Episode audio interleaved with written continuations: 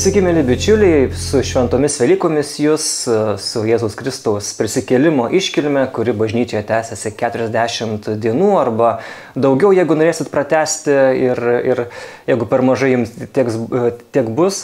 Um, karas vyksta, karas toliau tęsiasi ir kai mes rašinėjom šitą laidą, tai yra 50-oji e, Rusijos karo Ukrainoje diena, Tačiau ne tik, kad Velykas švenčiame, bet ir dėl to, kad tiek Ukrainoje žmonės nepasiduoda, kovoja iki galo, tiek ir e, čia Lietuvoje įvairių žmonės kaip tik gali padeda ukrainiečiams, padeda jų skausme. Ir dėl to šiandien tokia, na, džiugesnė turbūt nuotaika kalbinu Lauriną Jacevičių, mano bičiulį, kuris yra e, Vilniaus laisvų krikščionių bažnyčios narys. Taip, sveikas. Labą dieną. Iš karto einam prie reikalo. Man labai įsiminė mm, vienas e, YouTube komentatorius, Remigijus, man atrodo, kuris po tavo video, kur tu pasakai apie savo kelionę į Ukrainą, mm. parašė, nu pagaliau yra už ką pagirti Lauriną. E, ten turbūt ateistas koks, ar ne? Visų pirmiausia, tai dabar pastebėjau, kad netai pasakiau labą dieną, kaip norėjau norėjau sakyti laba diena ir, ir labai ilgai praktikavausi ir vat neišėjo, kai paklausai. Aš mėgčiau visą laiką, kai laba diena, man neišeina. Tai. Laba diena, malonūs klausytojai ir žiūrovai. Ir žiūrovai, taip, beje, e, sveikinuosi ne tik su Bernardinu bičiuliais, bet ir su Apologetika LT turbūt, ne, e, gerbėjais ir gerbėjais. Tikėtina, jeigu, jeigu duosi leidimą įdėti į tą kanalą, tai bus ir ten. Tada Priklausys, bus galima kaip, kaip paveizėti. Mus, uh, tai Aš nežinau, Remigijus iš tikrųjų kokios yra tiksliai pažiūros, bet uh, net nežinau, ar, ar, ar, ar gerai, kad užsiminėjai dabar apie, apie Remigijų, nes Remigijus gali būti, kad žiūrės tikriausiai šitą, bet jeigu ką, tai linkėjimai. Remigijau, uh, tegu viešpats jūs laimina. Ir, uh, bet, bet yra Remigijus ir dar keli žmonės, kurie galbūt, nu, sakykime, žiūri daugiau apologetika.lt įrašų ir pakomentuoja praktiškai kiekvieną. Tai aš tiksliai nežinau, kodėl taip yra ir iš pradžių dar bandydavau kažkaip reaguoti vienai per kitaip ir pabandyti užmėgsti kažkokį dialogą.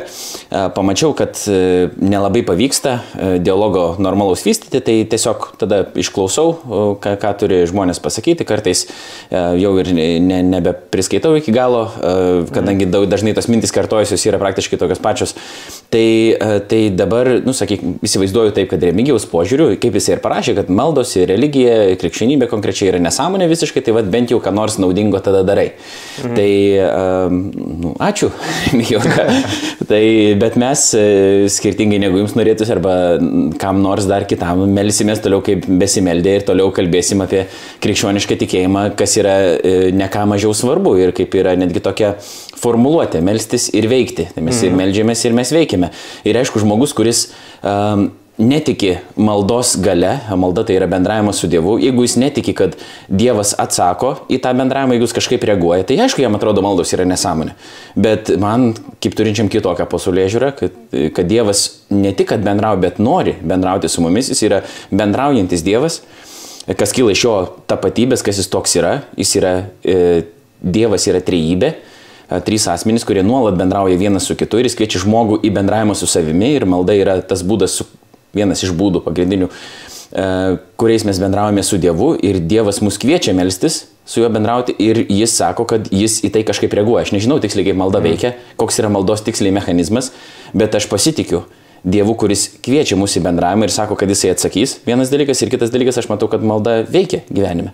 Nu, tai, um, tik tai tiek, kad kai žmonės sako, kad e, kai malda neveikia ir jie kritikuoja, tai iš principo įsivaizduoja tokia kaip džino, uh, džino situacija, kai tu paprašai ir tau duoda. Jeigu tu paprašai ir neduoda, reiškia malda neveikia. Bet kad tai yra visiškai kitoks bendravimas su Dievu, Dievas, kuris yra kuriejas, kuris yra virš visko, kuris kviečia į bendravimą, bet taip pat žino, ko mums labiausiai reikia. Ir malda nėra vien prašymai ant prašymų, bet uh, malda yra žymiai kažkas daugiau, nu, bet apie tai mes neįsim dabar jo, daug kalbėti. Čia... Bet mintis yra, mintis yra tokia, kad uh, ir, ir tas praktinis veiksmas yra reikalingas, bet uh, aš maldos negaliu niekaip nei nuneikti, nei atsisakyti dėl to, kad jinai be abejo, kad yra paveikia ir kad Dievas mus kviečia į tai. Ir tuo labiau, kad daug tokių gerų dalykų, čia turbūt iš savo patirties kiekvienas galėtum pasakyti, kad sprendimų, ką konkrečiai daryti, gimsta maldoje, kai, kai tu nutyli, kai tu įsiklausai. Tai Tai čia irgi negalima turbūt tų dalykų atskirti. Aš čia gerai sėdžiu, nežinau, aš nepratęs prie, prie video, viskas čia tvarkoja, ne? Nežinau, aš nematau, kaip mes ten filmuojamės, bet okay. manau, kad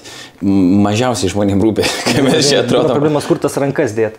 Gerai, apie tuos gerus darbus mes pakalbėsim, bet pirmiausia, e, kas labai įdomu, kad tu jau čia prieš metus vienam pokalbį, beje, Apologetika LT įveskit YouTube ir rasit daug labai gerų dalykų, mes apie tai esam jau, jau kalbėję. Tai Tiesiog mes e, irgi įdėsim nuorodas e, publikacijoje e, šitoje Bernardinuose, kur, kur galima Laurino dar toliau rasti. Ir Laurinas ir mums rašo gerus tekstus ir panašiai. Tai ką noriu pasakyti, kad tu pernai vieno pokalbio metu sakei, kad per kiekvienas Velykas jūsų bažnyčia užlipa ant trijų kryžių kalno ir ten kažkokias apigas daro. Šoka aplink laužą, dainuoja. Akmenį kažkaip pagarbina. Akmenį garbina, tai bučiuoja. Ir šie, per šias Velykas bus ta tradicija e, toliau tęsiama. Mes tikėtina patys su žmona nesudalyvausim šiais metais, kadangi e, važiuosim pas tėvus, jo švyje tikriausiai. Aišku, čia dar planai keičiasi šiek tiek, bet, bet bus ir didžiojo penktadienio pamaldos vakare kuriuose planuojam sudalyvauti ir tada sekmadienį iš ryto vėl lipimas ant trijų kryžių kalno. Aš nežinau tiksliai, kodėl ta vieta buvo pasirinkta, bet kiek aš girdėjau, kadangi šitos bažnyčios e, dalimi aš esu apie septynerius metus, o ta tradicija tęsiasi šiek tiek ilgiau, e, tai kiekvienais metais, galbūt ir buvo kokie metai, kai buvo praleisti, bet e, yra tokia tradicija lipti ant trijų kryžių kalno su bendruomenė. Ten yra pamaldos tik sutrumpinta tvarka, bet atrodo jos kaip įprastos evangelinės pamaldos. Mm. Galima čia paminėti, kad Laisvų krikščionių bažnyčia yra evangelinė bažnyčia. Ir e, tiesiog šlovinimas e, giesme tada trumpas pamokslas, pabendravimas ir tada šiais metais bent jau leisis tada į kitą laisvų krikščionių bažnyčios, sakykime, tą dalį ar šaką, nes yra 180 laipsnių bažnyčia, taip pat, kuri priklauso laisvų krikščionių bažnyčių tai bendryjai mm. Lietuvoje, tai ten bus suneštiniai pusryčiai. Taip Vilniaus laisvų krikščionių bendruomenės ir okay. 180 laipsnių, kurie priklauso tai pačiai nu, denominacijai, mm. sakykime. Tai va, tai toks yra planas, tai taip žmonės daro e, ir nori kažkaip paminėti neįp, sakykim, neįprastai per pamaldas e, Kristaus prisikėlimo tą iškilmę. O, o kalnas tai tokia yra simbolinė šiaip vieta, jeigu žiūrėtumėm bibliškai, mm. tai yra kalnas yra ta vieta, kur žmonės susitinka su Dievu. Aišku, Dievas yra visur, bet čia yra tam tikra nu, simbolika, kur yra pakankamai rimta ir jinai, kaip sakau, yra bibliška. Tai, mm. tai gali būti viena iš priežasčių, kodėl būtent taip. O kiaušinius šventinat? ne. O verbas neturit? Šventinto vandens irgi nebūna per Velykas? Evangelinėse bažnyčiose vis nebūna šitų dalykų, ne, nes, A, nes okay. aš kiek suprantu, čia jau mes eitum į teologiją mhm. ir, ir liturgijos visokius dalykus, tai kadangi evangelinėse bažnyčiose nėra kunigo kaip tokio, mhm. tai ir laisvų krikščionių bažnyčioje nėra, yra priimama ta visuotinė kunigystė, yra pastorius, tik tais ganytojas, mhm. kuris savo dovanom patarnauja ir įsiveda bendruomenę, bet e, tas, kadangi E, nėra kunigystės, kaip aš suprantu, nes kadangi šventinti gali kunigas ar ne, arba kitas dvasininkas mhm. katalikų tradicijoje, tai Tai kadangi nėra tos kunigystės, dėl to nėra jokių dalykų, kuriuos galėtų pašventinti, sakykime, žmogus. Na, mhm. aišku, mes suprantam, kad ir katalikai nesakytų, kad žmogus šventina, kad šventina Dievas, taip, bet naudodamas, naudodamas tą konkretų asmenį, kuris turi tam tikrus įgaliojimus ir kuris yra pašvestas kunigystėje. Mhm.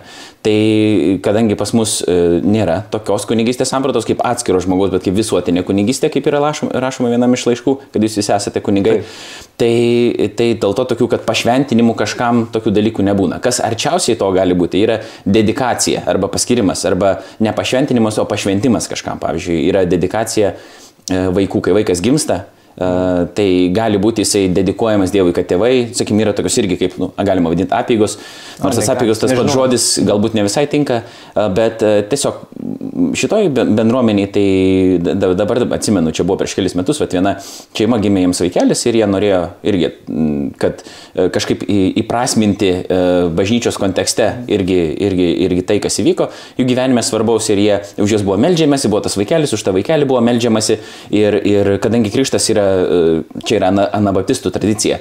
Tai krikštas yra priimamas, pripažįstamas, ne pripažįstamas, bet e, laukiama yra, kol žmogus turės kaip, sąmoningą apsisprendimo galimybę ir pats apsispręs krikštytis, tada jis tik krikštėsi, tai dėl to kūdikių krikšto nėra, bet tas kūdikis yra, e, kaip sakyti, dedikuojamas, nes jis yra pašvenčiamas viešpačiu ir tėvai e, su bažnyčios e, palaikymu ir už juos melžiantis trokšta auginti tą kūdikį, toks, tą vaiką krikščioniškai. Neprivalomas, bet toks gražus. Toks Taip, dėl to, kad ne, bent jau šita bendruomenė nėra tiek griežtai struktūruota, mhm. nes, kaip minėjau, ta tradicija, jeigu kažkam yra įdomu, denominaciškai, tai yra an, anabaptistai, broliškieji menonitai. Tai oficialiai esame broliškieji menonitų.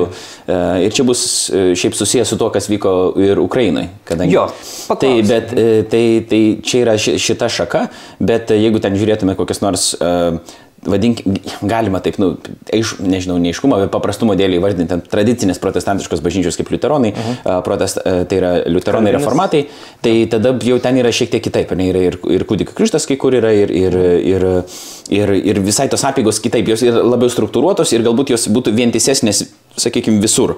O čia yra tikėjimo išpažinimas bendras, yra principai tam tikri, bet, bet nėra taip, kad visose bendruomenėse lygiai taip pat, va, pavyzdžiui, visur yra atliekama kūdikių dedikacija, va tokiu būdu. Taip. Bet kad kažkas būtų pašventinama, tai nesugirdėsim, man atrodo, tai net, sakau, būtų nelabai įmanoma dėl tos kunigystės sampratos. Bet e, čia gal toks soft topic, bet man va, toks spontaniškas klausimas kilo, o kaip, tarkim, su neįgaliais e, žmonėm, kurie, tarkim, jau nuo, nuo kūdikysės tokie yra ir jie tarkim, patys jie negali pasakyti netgi, kad aš noriu krikšto. Mhm. Kaip tada būna, ar žinai? Ne, tikrai nežinau, nes tokio atveju kol kas, kol kas nebuvo ir matyti kažkur būtų, kadangi, kaip minėjau, vis tiek yra tam tikri ir nuostatai mhm. broliškųjų menonitų ir visa kita, ir kai kurie dalykai iš patirties išplaukia, kai yra susidurima ir tada reikia spręsti ir tada yra apkalbama, mhm. tai tikrai nežinau kaip, kaip būtų, kaip, kaip būtų sprendžiama konkrečiai mūsų bendruomeniai šitas klausimas. Aš manau, kad vis tiek būdas būtų kažkoks atrastas, remiantis istorinę tradiciją, galbūt kaip, kaip yra buvę, kadangi tradicija nėra visiškai nesvarbus dalykas, tai galima žiūrėti, kaip buvo prieš tai, ne?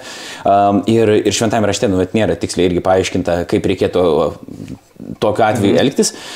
Kiek aš dabar bandau atsiminti ir perkėti eilutes, kad, kad nėra lygiai, sakykime, kažko tokio, tai negaliu atsakyti, bet e, kas, e, kas buvo, čia vieną dalyką buvau dabar atsiminęs ir pamiršau, bet galbūt kažkokį kaip panašų pavyzdį, mhm. žinai, tai, bet e, dabar iškrito jisai man, be, be kalbant okay, apie tai, jeigu atsiminsiu, tai pasakysiu. Tai, bet verbų mhm. nėra pas jūs, ne? Ga, žmonės, aš nebejoju, kad yra žmonių, kurie galbūt būtų bažnyčioje ir kurie parsineša tas verbas namo, mhm. bet kad bažnyčioje būtų kokia nors šventė suriš, surišta su verbam, tai ne. Nes aš per verbų sekmadienį dabar čia, kai buvo praeitą sekmadienį katedroje lankiausi ir su sakymšu buvo žmonių, žinai, pilna. Ir... Tai gavai iš galvo iš verbos, ne? E, ne. Ne aš mušu verbą mušą. Buvo taikų žmonės susirinkę, bet kas įdomu, kad e, ta verbų palaiminimo arba pašventinimo apėgos vyksta, e, nu, mišių pirmoji, pirmoji daly, sakytum, pradžioj, kai, kai, kai kuningas ar vyskupas buvo tiesiog, na, su švestų vandeniu laimina ir Tai buvo labai jokinga, kad po tos apėgos verbų palaiminimo pusė bažnyčios dingo.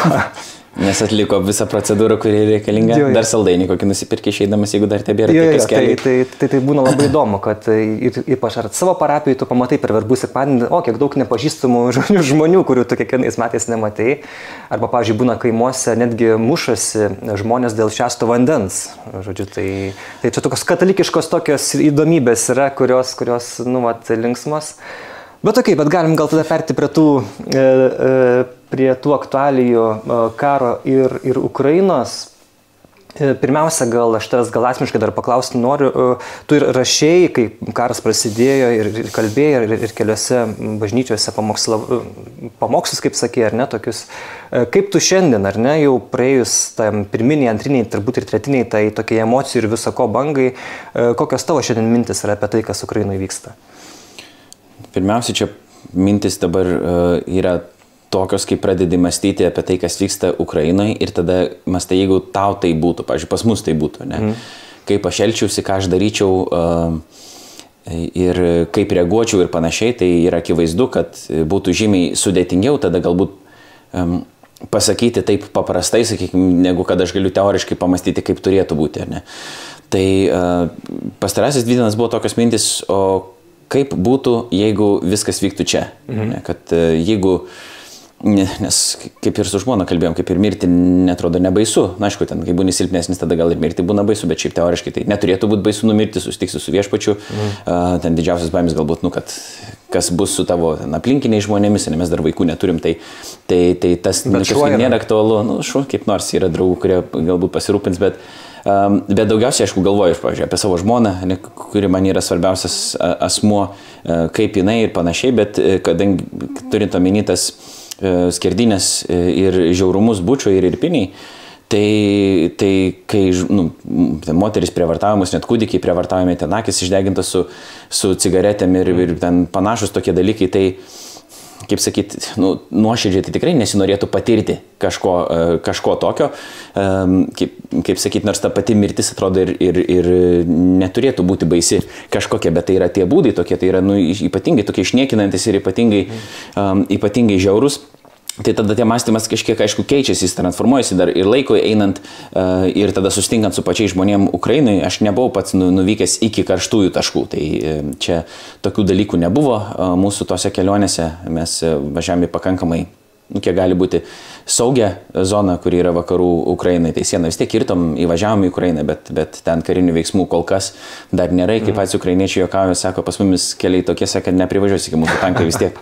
tai, tai, tai, tai kažkas, kažkas tokio, bet e, aš tų tokių fundamentalių pozicijų savo ne aš neatsisakau kas, ką išdėščiau, ką ir, ta prasme, rašiau ir panašiai. Mhm. Tik tiek, kad e, bandau suprasti, kad e, teoriniai pamastymai yra viena, bet e, kai praktiškai reikia kažkaip reaguoti, ar ne, ir kai tai pamatai iš naujo kažkokius žiaurumus, arba kai jie yra arčiau kažkaip tavęs, tada matai, kad e, ir pradeda scenarijų visokį groti galvoj. Tada žiūri, kad tą teorinį modelį savo būtų pritaikyti pakankamai sunku. Ir gintaras mūsų abiejų bičiulis Sungaila, ortodoksų kunigas, jisai mm. rašė čia vakar, man atrodo, Facebook'o postą, tokį trumpą apie tai, kad, nu, kaip yra sunku, toks apie abstraktų dvasingumą jis rašė, jo.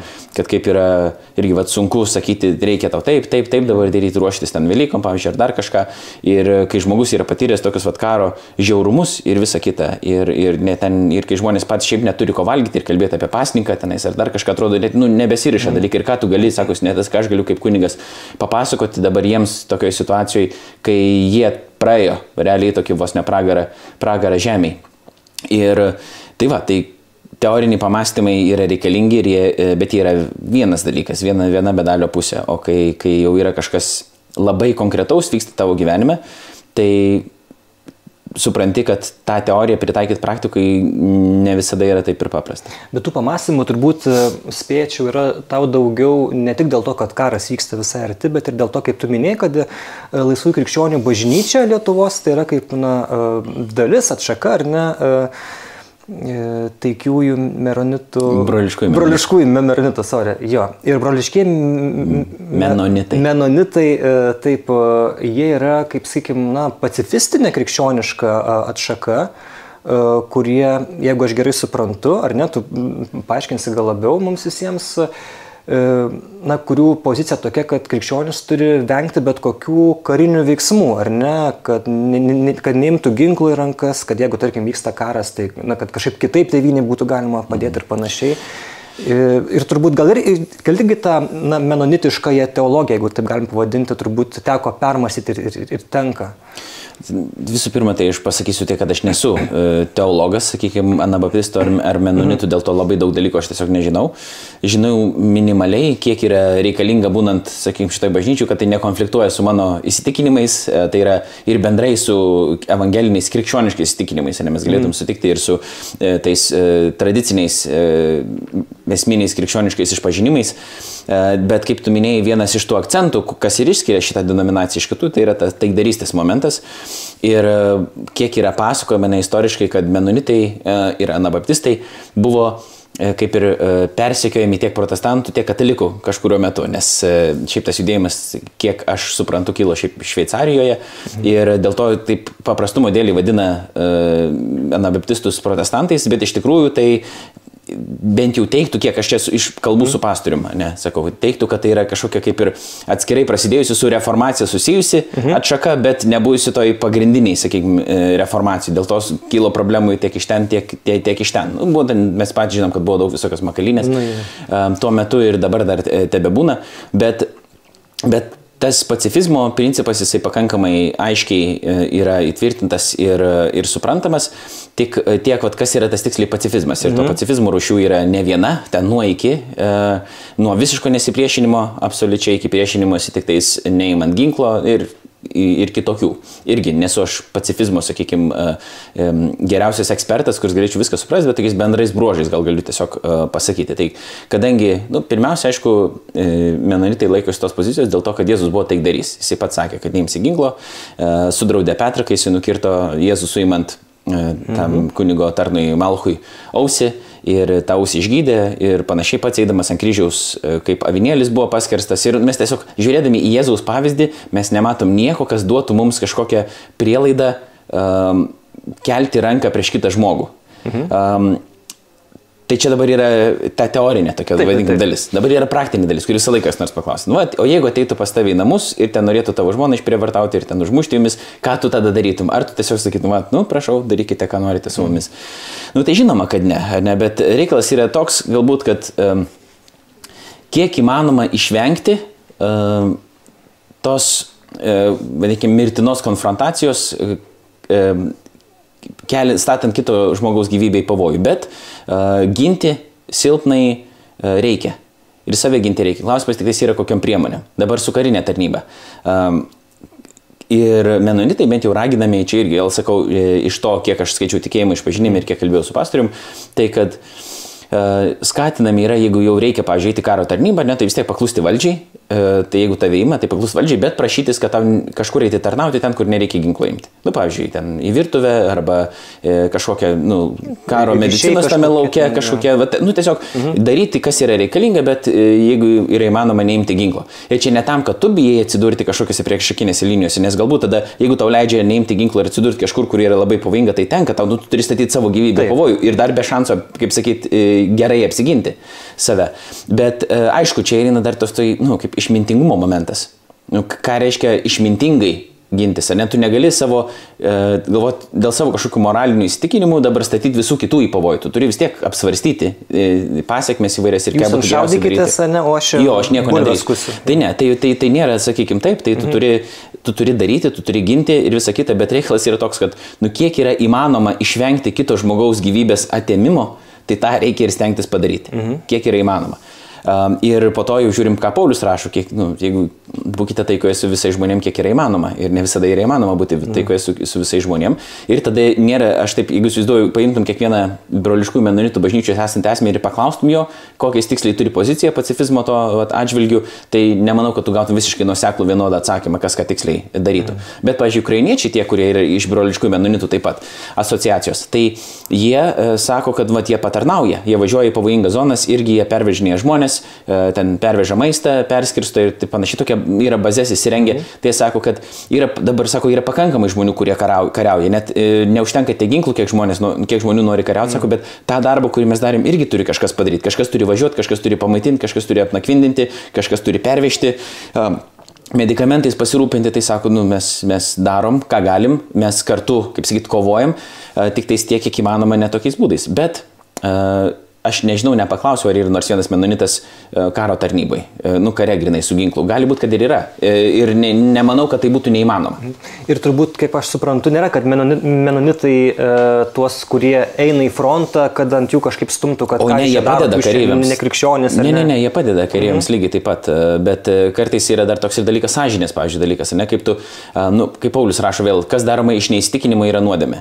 Tai vienas, pavyzdžiui, yra savo klausimus įsisprendęs, ne visiškai, kad jisai gali uh, būdamas krikščionis, ne, imti ginklą mhm. ir kovoti e, už, už silpnai, ginti uh, savo valstybę, uh, tos valstybės žmonės ir panašiai.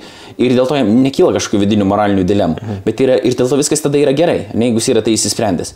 Bet kitas yra neišsisprendęs ir jam yra toks kaip... Um, nu, nežinau, gniutulas toksai ne viduje, mhm. neįspręstų tokių dalykų Ir jeigu jis eis prieš tą savo sąžinę, ne visiškai, tai, kaip sakyti, ir toks į sielą į pavojus išeina. Ne, nebeaišku, ką jis gali padaryti, jis gali ir neblaiviai mąstyti, net ne visai tinkamai. Tai dėl to, va, šitoje situacijoje geriau tas galbūt, kuris nėra iki galo išsisprendęs, ne jeigu yra variantų. Nes jeigu nėra variantų, tai yra kitas dalykas, mm. bet jeigu dar yra variantų kažkaip kitaip pasitarnauti, tada geriau tegu, sakykime, jisai tada patarnauja tam, kuris ne, yra su ginklu, jisai kitu, kitus darbus daro, nes tas irgi turi daryti darbus. Tai va ir pavyzdžiui, bažnyčiai, kai mes kalbame apie bažnyčią kaip Kristaus kūną, Tai visi turi savo funkcijas kažkokias. Taip. Ir turi skirtingas dvasinės dovanas ir panašiai. Tai čia nėra visiškai vienodas nusulyginimas, bet e, va tokioje situacijoje, ne irgi, kad baž- bažnyčia vis tiek turi savo kažkokias funkcijas. Yra žmonės skirtingi um, ir mes turim bendrus principus, bet kaip jie išsigroja, vadinkim taip, kabutėse, praktikoje, gali būti e, būt šiek, šiek tiek kitaip. Tai jokių būdų menonitai e, Ukrainos karių, kurie kovoja už šalies laisvę, e, jie tikrai nieko neniekina ir jiem patarnauja kaip gali. Mhm. Super.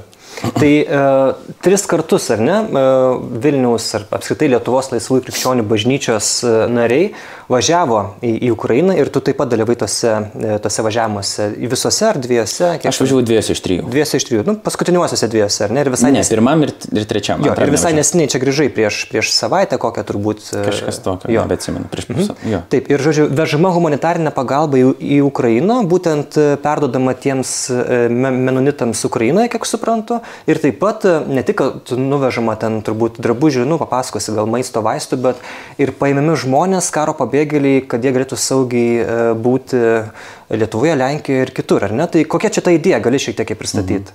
Mhm. Kadangi jinai kilo ne iš manęs, tai aš gal, negalėsiu galbūt visos esmės pristatyti. Jeigu Mhm. kam yra įdomu, man atrodo, e, pas jūs yra e, straipsnelis ar laida buvo iš, Iš XFM, XFM. mhm. Buvo, tai ten buvo kalbinti 180 laipsnių bažnyčios pastorius Gediminas Dailydė ir Vilniaus laisvų krikščionių bažnyčios pastorius Artūras Rulinskas, gal jie plačiau iškiek paaiškino. E, Koordinuoja Sigitas Ružinskas, toksai uh, visas šitą pr- procesas irgi yra Vilniaus laisvų krikščionių bažnyčios narys.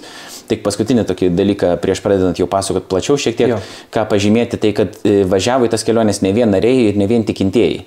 Buvo žmonių, kurie važiavo ir netiesiogiai susijęs su e, krikščionių, laisvų krikščionių bažnyčia, okay. bet e, vienok, pavyzdžiui, vienos merginos, kuri yra bažnyčioje, tėtis. Kuris nėra bažnyčioje šiaip ši- nu, šitoje. Sutiko padėti, žodžiu. Jo, jis tiesiog sutiko padėti ir važiavo net ne vieną kartą, porą kartų. Mhm. Tai, tai ten nebuvo visi, kad buvo nariai, bet jie vienokiu ar kitokiu būdu netiesiogiai buvo susiję. Tai ten kažko per, per giminės kažkokius, ar tiesiog vat, išgirdo ir draugai buvo kažkaip taip. Mhm. Tai, e, tai dabar nežinau, koks tas buvo kiekis ten narių ir nenarių, vis tiek man atrodo, kad um, Ir buvo iš LCC dėstytojų taip pat. Nu, čia nesmė Jo, jo, jo. bet, bet, Bet iniciatyva vis tiek kyla iš taip, taip, taip. krikščionių. Jo, bet aš tik norėjau pasakyti, kad taip netrodytų, kad čia vien, vien, vien važiavo žmonės tik tais nariai, kad nu, teisingumo grinai dėlį, kad buvo ir kitų, kurie prisijungė. Bet taip, Ne vieni jūs inici- faini, žodžiu. Iniciatyva e, jo buvo iš e, Laisvų krikščionių bažnyčios ir e, kiek aš supratau ir kiek aš žinau iš to, kas buvo pasakota, man, kad buvo užmėgsti santykiai su Ukrainos broliškaisiais menonitais jau 2014 metais, ten po Krymo okupacijos ir visa kita, ir jau tada buvo humanitarinės misijos, jau tada vyko į Ukrainą. Krymą, Aš ką tik buvau ne iki pat ten, aš tiksliai negaliu pasakyti, mm. kada aš buvau ką tik įtikėjęs ir ką tik prisijungęs prie bažnyčios. Ir tada jau svaršiau galbūt važiuoti, buvau visiškai šviežias krikščionis, okay. bet tada išvažiavo ten keli žmonės ir, ir užsimesgė tie santykiai, po to buvo atvažiavę ir į Lietuvą e, iš tos bro, bro, broliškų menonitų asociacijos, mm. taip jie ten vadinasi Ukrainoje, žmonių e, į, nežinau, ar konferencijas, ar kažkas tokio, mm. bet buvo palaikomas santykis. Tai kai Ukrainai prasidėjo karas, automatiškai buvo susisiektas su jais. Ar jie susisiekė, ar susisiekė mūsiškiai, aš tiksliai nežinau, bet vėl tas santykis, kaip sakyt, per tą santykį, kas, kuris buvo išvystytas, buvo jau paklausta, įsiaiškinta, kokie yra poreikiai, jie atsiuntė sąrašą dalykų, kokių jiems reikia, tada buvo svarstyta, ar reikia važiuoti, ar užtenka tiesiog nusiųsti pinigų, nes jeigu važiuoja, reikia žmonių, tai yra žmonės, laikas, papildomi pinigai kūrui, visa kita, reikia važiuoti, ar užtenka tiesiog siūsti pinigų, nes tada galėtum daugiau pinigų nusiųsti. Bet galiausiai išsiaiškino, kad jiems reikia visko, jiems reikia ir daiktų atvežti, jiems reikia ir grinų pinigų, nes ne viską gali išsimti, ir jiems reikia taip pat ir pervedimų. Nors pervedimus atlieka tai ir ne tik, mes, sakykime, galbūt e, važiuojam ten, e, bet e, pervedimus jie gauna ir iš Amerikos, ir iš Vokietijos, ir, ir, iš, ir iš kitų vietų piniginius, bet nebūtinai visą laiką pinig, tos pinigus gali panaudoti taip greitai dėl nu, karo situacijos tiesiog uh, Ukrainai. Tai va, tai kai atsirado tokia, uh, tokia ta iniciatyva, aš išgirdau, kad kažką žada važiuoti, sakau, aš irgi noriu. Tiesiog ir viskas, nes nebuvo nei viešai ten skelbiam, nei kažką, man tiesiog kažkas pasakė, kad kad planuoja važiuoti, sakau, aš irgi noriu. Nu ir tai va, vieni per kitus žodis tai paplito ir susiorganizavo trys autobusiukai iš pat pradžių. Paskui žmonai pasakėjai ir pasigailėjai, ar ne? Ne, žmona viską išleido viskas jo, jo, jo. su palaiminimu, visą kitą mm. išleido, meldėsi ir, ir, ir viskas buvo gerai. Tai visi ten su žmonom, kiti su vaikais, ten trim, keturiais, tam prasme, iš, nu, vyrai, kurie buvo. Mm -hmm. tai, tai, tai, tai taip, mūsų pastorius iš vis, jis turėjo važiuoti į Ameriką, tada tuo metu uh, išskristi savaitę, ten nežinau, ar kas tiksliai ten buvo, bet jis turėjo į, į kažkokią irgi į pažįstamą bažnyčią Kaliforniją nuskristi. Ir tą dieną, kai stovėjo oro uoste, jisai išgirdo, e, taip, ar perskaito naujieną, kad e, Zaporožiai buvo apšaudyta ta elektrinė atominė mhm. ir jam buvo toks didelis šokas, kad jisai nebeskrido į Ameriką, apsisuko, grįžo atgal ir išvažiavo į Ukrainą tada. Nu, tiesiog, nes pagal, kad nu, kažkaip įsijautys tada, kad būtų nebeteisinga jam ten važiuoti, tas toks šokas buvo toks didelis. Labai įdomi, jo, dar ir elektrinė ir aš važiuoju. Jie, yeah, tai ne tik, čia... ne, ne, tiesiog, kad pamatė, kad jeigu jau taip vyksta, kad tai yra... Reikia pagalbos. Jo, kad, ir kad jam būtų kažkaip jis jaustųsi labai keistai dabar išskridęs ir ten būdamas ir linksmai, sakykime, taip leisdamas laiką. O, jo, jo. Ir po to, kaip aš supratau, tie kiti, kur kažkas dar turėjo važiuoti į tą Kaliforniją, galiausiai ten ir iš vis nebepavyko tas, mhm. tas, visas, tas visas dalykas. Tai jisai tada po kelių dienų prisijungė prie tos, tos misijos, tai mes važiavom trimis autobusiukais, vienas buvo uh, nuomotas ir du buvo, ir du buvo pačių žmonių. Tai vad, uh, iš vis buvom E, septyniese, vienam buvo trys, kitam buvo po du, nors šiaip teoriškai turėtų būti po du, bet kadangi Artūras prisijungė, e, netikėtai visai tai gavosi taip, kad mes vienam vežiam ir trise ir vežėm tada tą paramą, o šiaip paskelbėm per Laisvų krikščionių bažnyčios uh, socialinės medijas, nors tos medijos nu nėra didelis, tų vadinamų followerių nėra tiek daug, mm. bet kažkaip žiauriai greitai prisipildė viskas ir Vilniuje, ir Klaipėdoje kažkiek, ir Šiauliuose, Šiauliuose iš vis ten centras įsisteigė toks didžiausias, nes uh, pastato prasme Laisvų krikščionių bažnyčia yra didžiausia Šiauliuose, galbūt ir žmonių skaičiaus, skaičiumi. Mhm. Tai dabar ten Dabar tiksliai nežinau, bet prieš porą savaičių ten ar prieš tris gyveno, penki, jie buvo apgyvendinę 50 ukrainiečių. 50. Nes bažnyčiai priklauso Ginkūnų dvaras. Jie turi o. tą. Ir tenais buvo apgyvendinę 50 ukrainiečių ir jas integruoja Šiaulių bendruomenę. Ir ten nuolat vyksta tas procesas. Žmonės wow. nuolat su jais dirba. Ir ten tapo kaip centras, kur šiauliečiai įvairios ir organizacijos, ir, ir nieko su tikėjimu bendro neturintys žmonės bažnyčiai neša daiktus tam, kad jie nusiųstų į, į, į Ukrainą. Tai ten, ten pas juos pradėjo labai greitai pildytis įvairūs daiktai. Ir tai išvažiavom pirmą kartą devinvietis vienas autobusiukas ir du septynviečiai ir po to grįžom, man atrodo, pilni jau atgal į Lietuvą su žmonėmis. Ir ten, kol jau važiuoji, ten derinėsi su tai vietoje esančiais kada atvažiuos pas juos autobusiukai, kurie kursuoja iš tos bazės vakarų Ukrainoje į pavojingesnius taškus ir atveža. Ir tada jau derinėsi, kurie žmonės nori važiuoti į Lietuvą, kurie galbūt nenori ir kas ten kaip. Ir kiti net nežinai, kaip paskutinės minutės. Vieni buvo netgi pasakojo taip, kad antroji kelionė, kai aš nevažiavau, kad jau žmonės sėdė autobusiuke Ir e, jiems, nu, sako, nu, į Lietuvą važiuoti, sako, ne, mes nenorim į Lietuvą. Ir jau tada turi la, iš tie išlipo, turi laukti, nes norėjo Vokietiją, kažkur ten važiuoti. Ir, ir va tokių būna irgi, irgi kuriozų. Nu, ir po to ta kelionė viena, kai vyko, buvo nuvežta humanitarinė parama, bet ta parama buvo ne šiaip surinkta bet kas. Bet tai buvo pagal poreikius, kurie buvo išsakyti, mhm. kurie yra reikalingi. Po to vėl toliau Sigitas daugiausiai derinasi, kokie dabar yra poreikiai labiausiai ir jie kažkiek keičiasi, priklausomai to, ko reikia ten žmonėm ir kur jie ką veža. Ir, ir tada pagal tai toliau yra renkama parama. Ir tada finansinė parama, humanitarinė parama tai yra į, į, įvairius daiktai. Ir aišku, dvasinė parama, kaip sakyti, bandome vežti ir mhm. tiesiog būdami kartu su, su, su jais ir melzdamiesi kažką. Kur, kur tiksliai, ar ne? Kur, kur nuvažiuoti, į kokį tai miestą, kaimą Ukrainos? Aš vengiu sakyti, aš nežinau, ar galima, iš principo, ir, nors, greit, nors tai yra, yra vakarų Ukraina. Nu, galima pasakyti regioną, tai yra užkarpatės regionas, e, nes galbūt tai ir nėra didelė problema, nes e, jie patys savo e, Facebook'e yra kaip ir nurodytos taškus, kur yra tos mm. bazės, bet kadangi šiaip, nu, vis tiek karo situacijų, ten tu nebandai aiškinti, kur tiksliai, kokie yra punktai, kieno tai, bet užkarpatės regionas, e, tai net, saliginai netoli ten, Slovakijos ir, ir Vengrijos sienų. Mes kai važiuojame į Ukrainą, tai važiuojame per Vengriją. Mhm. Na. Ai, gal kad daugiau kažkas. Ne, tai tu klausai, tai, žodžiu, tai, tai, tai, tai yra tam tikra kaip, um, nes iš video, ar ne, yra irgi apologetika LT yeah. YouTube kanale, yra video toks labai smagus e, iš, iš tos paskutinės kelionės, e, kuri buvo čia prieš savaitę šiek tiek daugiau, ar ne, ir, ir ten va, toks namukas, ar ne, ten tokia kaip bazė e, tų, tų visų daiktų ir ten žmonės, kurie ten turbūt ir, nu, ir gyvena, juos ten priėmė. Tai šiek tiek gali mhm. apie tą vat, aplinką papasakoti. Gerai, galiu, aišku. Bet, bet, bet ten kol kas, nu, tikėkime, kad ir nebus, ten raketos neskraido, ten okupanto nėra, kaip suprantu. Nu, atrodo, kad ne. E, kol kas kažką buvau girdėjęs, kažkokią gandą, kad kažkur netaip toli liktai kažkas ir kažką paleido, bet, mhm. bet, bet čia gandas kažkoks ir, ir ne, nu, ten vietoj niekas nieko nesakė apie tai. Mhm. Ir ne, nepanašu, kad ten kažkas tame regione būtų. Sakė, ir maisto kol kas užtenka vakarų Ukrainai, tai ką jie bando padaryti, jie bando surinkti tą maistą, kiek yra įmanoma čia vietoj supirkti ir siūsti ten, kur jau nėra jau. Mhm. Um, tai taip kažkaip perskirstyti. Bet kokia buvo situacija, tai ta pati, pati, pati ta bažnyčia arba did, did, didžiuma tų žmonių, kurie yra ten, jie atvažiavo iš Zaporožės patys.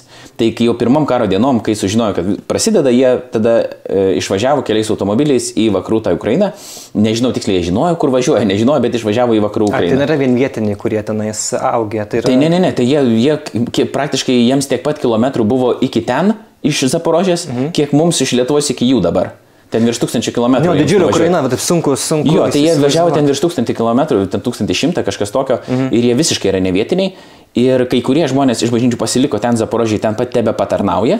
O. Um, ir, o kiti važiavo ten ir įsteigė tą tokią bazę. Iš pradžių lyg tai, kiek girdėjau, jie nuomojasi namą. Čia Viskas, sakau, yra tokių iš, iš uh, negaliu kai kurių dalykų visiškai patvirtinti, čia iš tokių bendrų pokalbių, kurie, okay, okay. nes mes kai nuvažiuojam, ten labai daug, nu, greitai reikia susisukti pakankamai, ten bandai su kažkuo šnekėtis, kažką nugirsti, kažką įsiaiškinti, kažką tiksliai, ne, jo, baršių pavalgai. Mhm. Tai bet kiek, e, kiek aš e, žinau ir jeigu teisingai aš išgirdau viską, kad e, iš pradžių jie liktai nuomojasi kažką, bet labai yra sunku gauti ką nors įsinuomoti, nes per tą vietą varo visa Ukraina. Asme, nu, nes per vakarus visi išjuda lauk. Mhm. Ir kažkaras buvo labai sunku, jie šis kaime yra toks, nu, kaimų kaimas ten. Jo, ten vištos. Ir, jo, jo, ir, ir, ir po to kažkaip jiems vieni tikintieji, kurie niekaip jų nepažinojo, turėjo kažkokį didelį namą, kuris nebuvo pabaigtas neįrengti. Pavyzdžiui, ten yra lauko tualetas tik dar. Jis mm. nebuvo pabaigtas įrengti, tvarkytas, kažkada į Ameriką buvo išvažiavęs, tas namas tiesiog ten buvo. Ir kai jie sužinojo, irgi yra tas tualetas. Jo, tai kai, neišvidaus. Bet uh,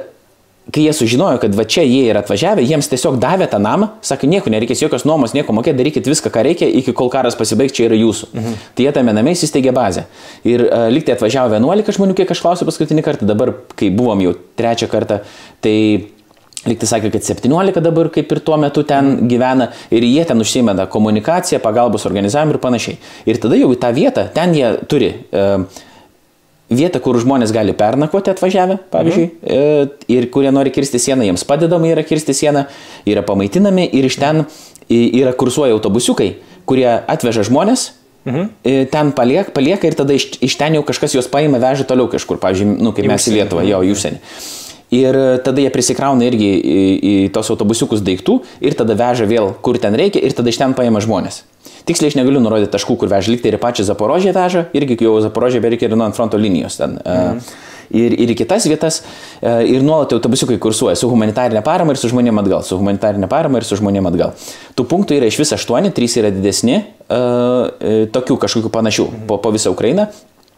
Ir kadangi tu negali pervažiuoti, nors, pavyzdžiui, kilometrų skaičius būtų ir pakankamas, kad galėtum pervažiuoti per vieną dieną, nebeišeina dėl karo situacijos, dėl to žmonėms reikia dažnai sustoti kažkur išnakvoti, tai tose punktuose žmonės stoja nakvoti, ten tada reikia e, čiūžinių, tai, pavyzdžiui, paskutinį kartą vežėm čiūžinių iš Šiaulių gavę mm. ir kažkiek, kad ten galėtum tiesiog pakloti ant grindų ir, ir, ir, ir išnakvoti, sako, praktiškai be, beveik kiekvienoje bažnyčiai gali išnakvoti, e, ten, sakė, nebūtinai menonitų, ta prasme, apskritai. Taip, taip, taip. Ir Ir, ir, ir va, tai va tokia yra ta situacija, jie iš tos bazės organizuoja tą pagalbą, mikriukai kursuoja. Ir, ir jie veža į, į Zaporožę? Ir į Zaporožę, ir į kažkur kitur. Bet Supratau. mačiau, kad iš nuotraukų ir į šeimoms kažką, pavyzdžiui, lauknešėlius kažkokius grinai šeimoms atskirai, bet taip pat ir į tos punktus nuveža ir iki pačios Zaporožės, iš ten dar kažką, bet sakau, kartais yra, kadangi laiko yra pakankamai mažai, tu nespėjai visko išsiaiškinti. Kažką mhm. pasakoja apie pastorius, kurie daro įvairius, pavyzdžiui, veiksmus, mhm. bet tu ne, bet nežinai, ar čia menonitų pastorius čia susijęs su jais, nesusijęs, čia jų draugas kažkoks, tai va tokių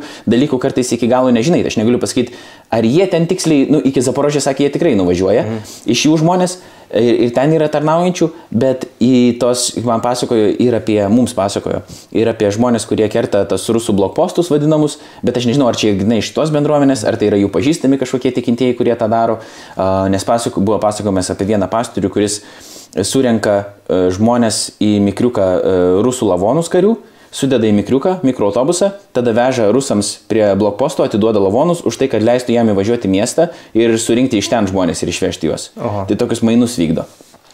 Tai va, tai, tai yra tokios, bet aš negaliu pasakyti čia, sakau, tiksliai iš broliškų menonitų ar iš kažkur kitur, bet kažkaip bendri, vis tiek yra. Ten kartais ir tos denominacijų ribos, nu ten, nu, kaip sakyt, jos ir išplaukia, ten niekas nelabai ne, bežiūri, ten, nu, kokios tu ten esi denominacijos. Šiaip karas turbūt vieni kitiems padeda ir ten. Taip, labai stipriai mobilizavusi ir ten uh, tikrai vieni kitiems ypatingai padeda ir stengiasi ir tikintieji, ir tikintiesiems, bet ir netikintiesiems, aišku, mm. pagelbėti. Jo, bet vis tiek, aišku, būdavo tos, kaip tos vakarienės tokios ar ne, pat prie stalo sėdė, irgi tame video mačiau, kad yra mm. kalba ukrainietiškai žmogus, o, o kitas jaunesnis verčia anglų kalbą. Ir, uh, ir tokia buvo viena mintis iš, išgirsta, kad nu, mes jau kaip ir vat, pripratom jau prie, prie šito mm. karo ir, ir, ir mūsų taip jau nebestebina, nebegazina, kaip čia buvo pačiai pradžioj. Ir toks irgi įdomus dalykas, kad tu netgi prie tokio karo gali priprasti žmogus. Mm. Mm. Bet uh, kokios tau, nežinau, įsimintiniausias, gal nežinau, istorijos ir liudijimai iš, iš, iš tų žmonių, kurie, kurie patyrė tos, tos mm. karo siaubus, mm. ką, ką tu, žinai, čia, čia į Lietuvą tokia svarbiausia įsivežiai? Tai uh, bent jau ten, kur pasakomis tas buvo, tai rusiškai kalbėjo tas žmogus, ne ukrainietiškai, nes A, iš tų regionų viskas gerai, iš tų regionų yra jis, žmonių, kurie... Kad ukrainietiškai, nes jisai vietoj G sakė H. H. Nu, ten dažnai taip sako, beveik visi sako H vietoj, uh, nes galbūt kalba ir ukrainietiškai, ir rusiškai, aš tiksliai nežinau, bet mm. kadangi ten tai mes visi band, tada bandom bendrauti rusiškai, ten angliškai mažai kas kalba. Rusiškai moki? Uh, susikalbėti galiu, suprantu, beveik, nu, suprantu viską, bet mm. kai reikia kalbėti, tai su klaidom, pat žinau, kad klaidas darau kalbėdamas, bet susikalbėti okay. galiu. Um, tai, bet yra ten pas juos vienas vyrukas, kuris studijuoja anglų kalbą universitete ir, ir, ir jisai vertėjauja, tai jisai puikiai angliškai šneka ir, ir viskas ten, kaip sakyti, ir problemų ne, nekyla. Tai mm. šiaip visi lietuviai, kurie važiavam, tai supratom, bet kadangi amerikiečių buvo kartu su mumis, tai daugiausiai ten jiems buvo tas vertimas, A, ne, okay. ne kažkam kitam. Mm. Tai Jo, jie sakė, kad, kad prie karo kaip ir priprato, jau, sako, kaip ir per viską yra priprantama, nors man vat, vienas lietuvis jau iš karto uždėjo, sako, negalima prie karo priprasti, negalima prie karo priprasti. tai, e, tai nebuvo tai, kad čia yra normalu ar kad čia viskas yra gerai, bet iš tos pusės, kad nebėra tokio didelio šoko, kaip būdavo pirmom dienom. Jau tu prisitaikai prie naujos realybės, kad taip dabar yra ir tu jau dirbi su tuo, ką turi. Mm. Aišku, jie jau yra ir, ir pavargę, kiti ten kalba apie tai, kad nu, buvo tikrai sunku, ypatingai, nu, viską palieki, įsivaizduoji, žinai, išvažiuoji, bet yra žmonių, kurie dar sunkesniuose situacijose gyvena ir jie tą puikiai supranta. Tai Tai viena iš tų įsimintinų istorijų, kurią aš ką tik ir papasakojau, buvo su tais rusų kareivių lavonais ir, ir, ir mainais, kitur ten saky, pasakojo mums irgi, kad, e, nu, kaip kirsti tos blokpostus rusų, jeigu tu nori kažkaip įvažiuoti į okupuotas teritorijas ir iš ten iš, išvežti žmonių. Tai kiti sako. Gyvų žmonių. Jo, gyvų. Nu, pavyzdžiui, kitur ten vos ne, e, tiesiog net nebūtinai eina pas kažką konkretų, bet e, eina į įvairius apgriautus pastatus arba, arba apleistus mhm. ir ieško Rusijose dar kažkur gal yra užsilikę žmonių, gal kažkas kokių senų ar neįgaliųjų, kurie nu, ne, negalėjo kažkaip pabėgti ir bando tokius susirankioti, kiek yra įmanoma. Tai ir už cigarečių blokus, kai kartais pavyksta pravažiuoti, bet sako, čia yra labai pavojinga, nes, e, nu, jeigu supras žmonės, ką noriu pasakyti, sako, nu gerai, e, jeigu rūko, sako, jeigu ne. Nu tai žinai, gali blogai baigtis, ten gali nušauti. Tai dar tokių istorijų, ko papasakoju paskutinį kartą, tai buvo e, ir tai, kad viena moteris Jinai, jinai atvyko į Lietuvą, po to tikriausiai Estiją perkeliavo, nes turi ten giminystės ryšių Estijoje. Um, jinai su mumis važiavo, tai pasakojo, kad uh, pasakojo pirmiausia apie ją, po to jinai pasakojo, e, nes visą kelionę šiaip mėgojo, visas 15 valandų praktiškai pramėgojo visą laiką, žmonės buvo visiškai trūkę. Um, tai, kad jie bėgo pirmą iš uh, tų okupuotojų anksčiau teritorijų, dėl to, kai pamatė liktai uh, E, jeigu informacija teisinga, ta Malazijos oro linijų lėktuvas buvo kažkaip pašautas ten virš Ukrainos ar kažkas tokio. Jo, tam Donbass regione. Jo, tai va ten jie netoli gyvena, sakė, keli kilometrai nuo jų nukrito ir jie matė, ta prasme, sakau, ten, kad nebūtų sugedusi telefoną, bet liktai pasako, kad matė ir lavonus iš to lėktuvo ten iškritusius. Ir tada jie pabėgo iš ten, paliko savo namus ir pabėgo į Berdenską. Ir tada karas juos atsivijo ir ten, ir tada jie turėjo vėl bėgti iš to Berdensko, žinai. E, tai va tokia situacija pas juos buvo, tai tikrai nusudėtinga, du kartus žmonės bėgo nuo karo. Ir po to pasakoju čia tokias naujas rusų taktikas, kad e, tose okupuotose teritorijose, kai pavyksta žmonėms pabėgti, e, dabar pastaruoju metu būdavo taip, kad paskelbė, kad va, tada, tada per ten ir ten išleidinė žmonės. Mm. Tada iš karto automatiškai sudaro be galo ilgą eilę labai didelė eilė žmonių ir ten jau kiek nori ten tave laikys. Ten nėra kažkokių, nu kaip sakyti, principų, norės laikys, nenorės nelaikys, nu, ko norės to paprašys, ta prasme, ir po, gali būti ir pavojus tavo gyvybei, ir atimta gyvybė gali būti, nu tu nežinai, kaip ir kas, bet Jie žino, rusai, kad e, ukrainiečiai neapšaudys tos kolonos žmonių, kurie yra pasiruošę dabar pabėgti mhm. ir tada jie pro tą koloną šoną bando savo karinę techniką pravaryti. Wow. Tiesiog tai skydą tokį panaudoja. Jo, panaudoja tokį skydą ir tada jeigu vat, pavyksta, tada gal kažkiek praleidžia tų žmonių, jeigu nepavyksta, būna irgi, kad praleidžia, bet sako, kas labai yra įdomu, kad e, dažn, dažnam vyrui liepia nusirengti ir parodyti, ar neturi tatuiruočių. Ir jeigu turi tatuiruočių kažkokią su simbolika, pažiūrėjau, ypatingai Ukrainos, tai tada gali nušauti iš karto. Mhm. Um, tai... Dar girdėjau, kad jeigu yra bent mėlynė kažkokia, mhm Net jeigu nuo šitos kuprinės, vat, kai šitas režisierius dabar, kur mm. žudytas, vat, jam pastebėjo ant pėties barots nuo sunkios kuprinės mėlynę ir iškart, nu, turbūt pagalvojo, kad čia yra kariai karys, kad, kad, kad čia nuo, yeah. nuo šautų, nuo atrankos, nuo kažko. Nu tai va, tai tokios, tokios, tokios yra tos istorijos. Mm. Um, žmonių, kiti pasakojo, kad um, važiavo irgi kolonai ir priekį jos važiuojantis automobilis ant minus užvažiavo, tiesiog ir sprogo nu, šalia. Būnant. Tai vat, jie nukeliauja tikrai žiauriai pavojingai, uh, išvažiuoja, nežino tiksliai išvažiuos, kaip nei, nu, neišvažiuos, kokios yra tos e, situacijos, bet um, tikrai be galo sunku ir be galo yra, be galo yra žiauru, žiauru bet, um, bet kaip jie kažkaip bando su tuo tvarkytis, uh, kovoja, laikosi, vieni kitiem bando padėti ir Ir, ir ačiū Dievui, bent jau kažkam pavyksta, pavyksta išsigelbėti, ir, o kiti yra pasako dar taip, kad kiti nu, tiesiog griežtai yra apsisprendę, kad nesvarbu, kas bus, bet nevažiuos, nevažiuos tiesiog niekur. Tai tiesiog žmonių, kad vat, gali jos tas bombos pilti, jie tiesiog vat, apsisprendė mhm. kategoriškai, kad jokių būdų neišvažiuos. Ir vat, yra buvo viena šeima, kuri jiem pavyko išvažiuoti. Ir Ten reikia daug tų blokpostų, skirtingų dalykų reikėjo daryti ir ten paprašė pinigų iš jų, ten, mm. dabar, nu, visko ten būna. Ir, nu, ko nori ten prašo, žinai, nu, tiesiog nežinai, ko ten norės, kas iš tavęs, kad tu galėtum pravažiuoti ir kas ką sugalvos. Tai tėvas neišvažiavo ten iš tos šeimos, nežinau, ar ten vyro ar moters, tas tėvas tiesiog nusprendė, sakė, ne, jis turėjo progą važiuoti kartu su jais, bet sakė, nevažiuosiu. Tai va, tai, tai, tai ir taip buvo ir tokių, kur atvažiavo į Lietuvą ir sakė, kad mama ir tėtis prisijungs prie jų greitai ir paaiškėjo dabar, kad, kad tikėtina yra, kad net neprisijungs dabar. Tai dėl ko? Nes... Ne, nesakė tiksliai dėl ko, okay. tiesiog tokia turi informacija, kad, kad neprisijungs. O parvežti nu, į Lietuvą arba tiesiog pats su jūsų tais autobusiukais? Aš galiu tik daugiau mažiau pasakyti, mm. ar ne? Pirmą kartą Kokie, ai, kaip sunku dabar man yra skaičiuoti. Dabar, kiek girdėjau, ateinančią kelionę sakė, kad jau 16 yra, kurie, kurie laukia. Mhm. Um, bet tai bet skaičiai skaičiasi. Nu, didžiaja dalimi praėjusią kelionę buvo, kad prie mūsų prisijungė uh, prie kolonos prisijungė su savo automobiliu žmonės, mhm. tai ten buvo ir vyras, bet jis galėjo išvažiuoti dėl to, kad turi tris vaikus, nes kitu atveju jis negalėtų išvažiuoti. A, čia tokia sąlyga. Jo, yra tokia sąlyga, kad jeigu tau mažiau negu 60 metų, tai tada gali tik tais, jeigu tris vaikus turi ir lygiai, jeigu girdėjau, tai tie vaikai dar ir jaunesni negu 18, turi mhm. būti, nu, ne, ne šiaip. Tai kadangi jis turėjo tris vaikus, tai buvo leisti jam, leisti jam išvažiuoti, tai pas mumis tada buvo gal trys autobusiuke viena, viena šeima, tada ten penki kitam po to buvo kiti, kas, kas, kurie Ukrainai ne, buvo, kas nenorėjo tada važiuoti į Lietuvą, pas mus neprisipildė pilnas, tai tada vienas autobusiukas nuvažiavo į Varšuvą ir ten per stiprus kartus susiorganizavo vėl ten pilną mm. autobusiuką, nežinau, kiek ten buvo, penki žmonės, nes ten, nu, nors autobusiukai yra didesni, bet ten tokius kilometrus važiuoti, vat, nu, lygiai taip susispaudus, jeigu nėra visiškai uh, pavojaus gyvybei, ne, tai tada nebūtina, ten iš Varšuvos niekas ne, ne, ne, nebandė susiorganizuoti ten, kad visi kaip silkės važiuotų ir to labiau, kad ten keičiasi, vis ten žmonės gali to paskambinti, pasakyti, kad nori, po 30 minučių nebenori mhm. ir ten, nu, visokie ten tokie įdomus. Turbūt situacija. policija nežiūri, ar, ten, kad, ar, ar per daug čia, žinai, čia susispaudė žmonių. Ne, tai ar, iš vis niekas niekada nestabdė niekur, aišku, tik prie sienos tokių įdomių nuotikių buvo, bet, bet šiaip visada yra punkt, patikrinimo vieta Lenkijai važiuojant. Ten mhm. tiesiog stovi muitinė ir pažiūri, pa, sako, humanitarinė, taip, sako, gerai, važiuokit. Tai, tai tik tiek, o ten su žmonėmis niekas net niekada net nestabdė. Ukrainiečiam, kurie didžioji dauguma pirmą kartą iš viso šalies išvyksta. Jie, tarsi, mhm. jiem yra kosmosas, jie nėra buvę e, už, užsienį kažkur. Kiek aš kalbėjau, bent jau didžioji dauguma to su mumis keliavusių, tai jie net nepastebi, kai sienas kerti jiems, nu, taip, nes čia Lenkija, Slovakija, dar kažkas, nu, ta prasme, nėra, tiesiog važiuoja ir pravažiuoja, niekas niekada, ne, niekas niekada nestabdo.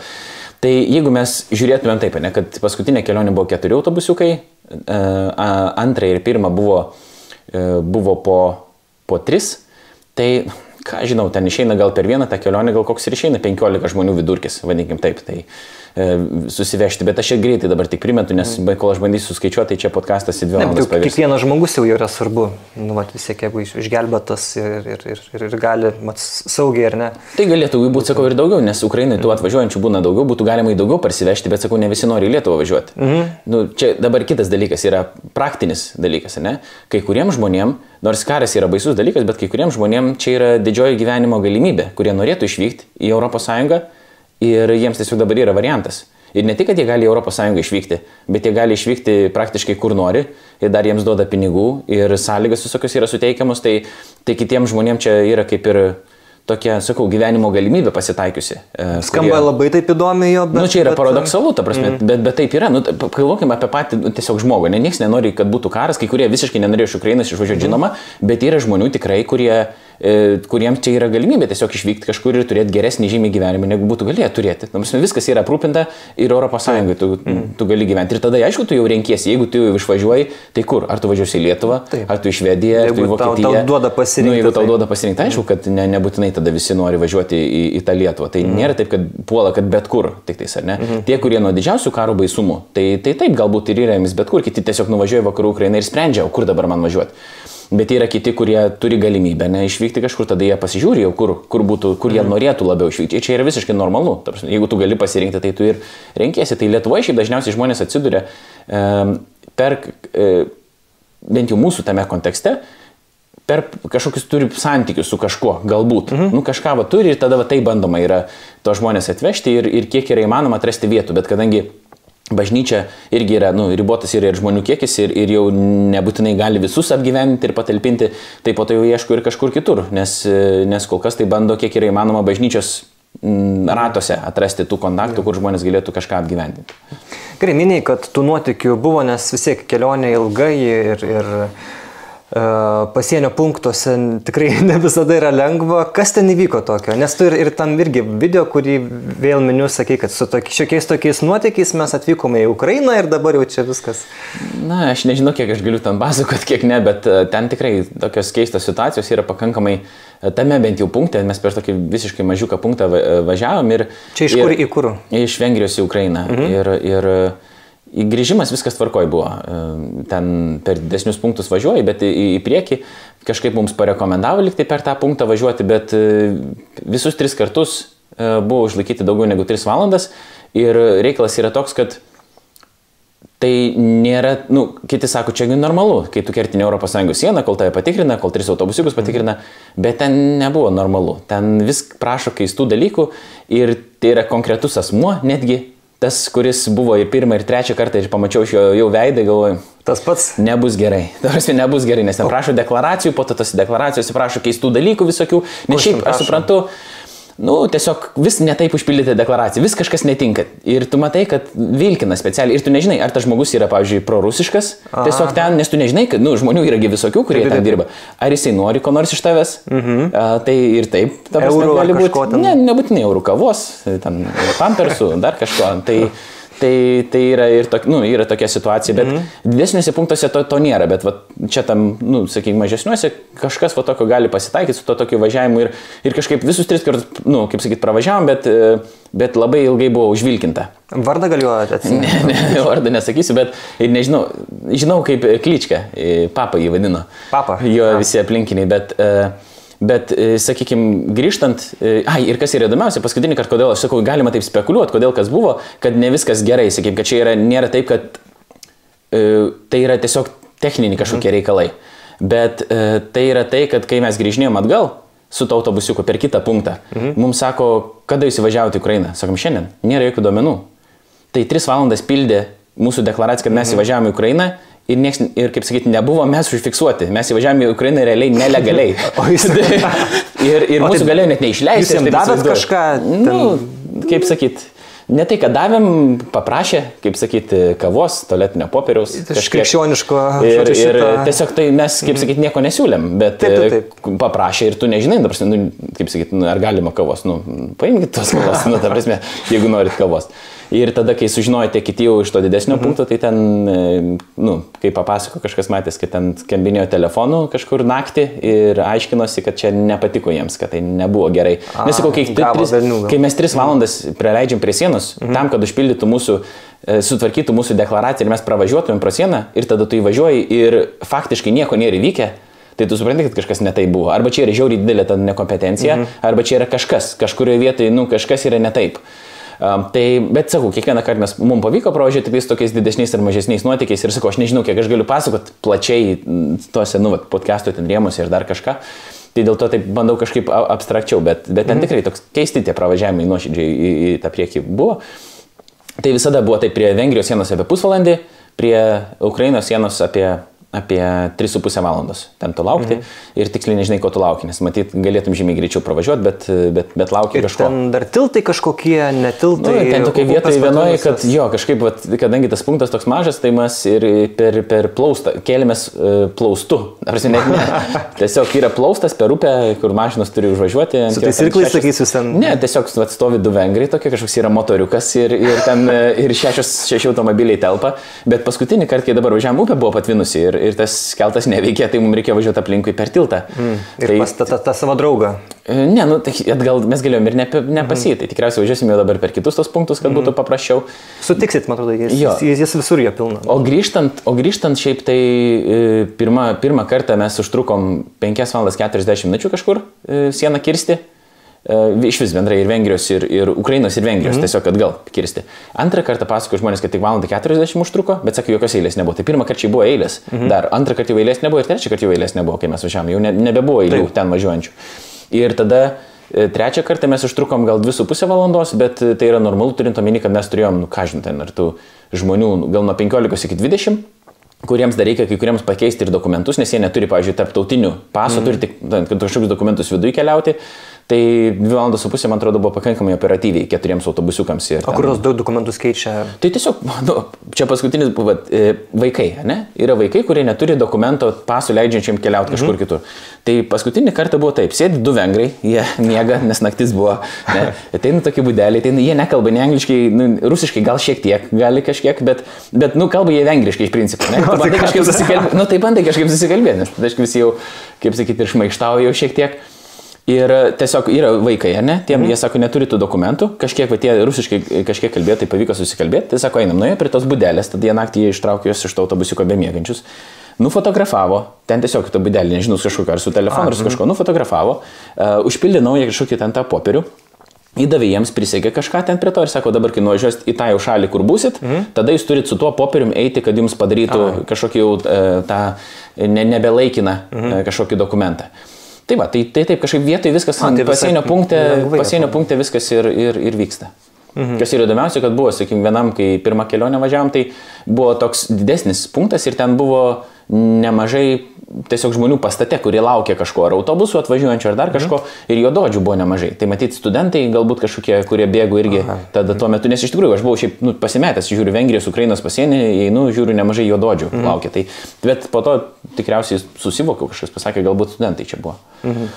Nepaklausė, ar ne, kodėl, tu, kodėl jūs juododis? Ten, ten trečią valandą nakties niekam, dažnai jokių klausimų jau nebenori klausti, žiūri kaip, nes reikia vairuoti, mes į, priekį, taigi ne. Dviese pasikeisdami. Jo, ne, tai, tai tiesiog tai kažkas ten... pamiega, kažkas vairuoja, tada kažkas kitas miega, tai kažkas kava, vairuoja. Kava, ar, ar kas? Jo, nu kažkaip, nu, ten tame punkte bandai nusnausti, kiek yra įmanoma, mm. pasižiūri, kas geriau jaučiasi iš tų uh, mūsiškių vairuotojų, tas, kas geriau jaučiasi, dar vairuoja, kol dar turi jėgų, tas mm. nebeturi, tada tas bando, kol tas turi jėgų, dar greitai taip nusnausti mhm. greituką ir tada apsikeičia. Tai kažkaip ir atradom tą ritmą, tokį, kadangi važiavau, vairavau ir pirmoji kelionė, ir, ir trečioji su to pačiu žmogum, tai iš principo taip pat gavosi mus, kad jis labiau, jis vairavo Ukrainoje ir į naktį, o aš vairavau nuo ankstyvaus ryto, sakykime taip, ir net mūsų taip ritmai kažkaip taip su geriau susiderino. Gedimino dailydė, kuris yra jo. ne Juozapas dailydė. Ne, ne šitas. Ne tas. o bet buvo sunkiausia tam pačiam ukrainiečiui, kuris savo šeimą vežė ir jis jau taip buvo pravažiavęs ten belie kiek tų kilometrų. Mm. Ir dabar jis buvo vienas, jis neturėjo pakeitinio vairuotojo ir jam reikėjo visą tą kelią irgi Ai, važiuoti vienam.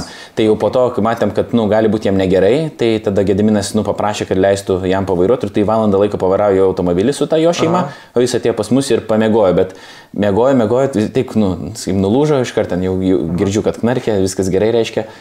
Ir uh, užvažiavam kažkokį miestelį, kur yra akmeninis grindinis tokis senesnis. Ir tas iškart pašoka, aš einu vairuoti, sako, savo mašinas. Nu, ir, okay. viskas, ir, ir tik valandą galėjo pasnaus. Bet, nu, ačiū Dievui, sėkmingai grįžom.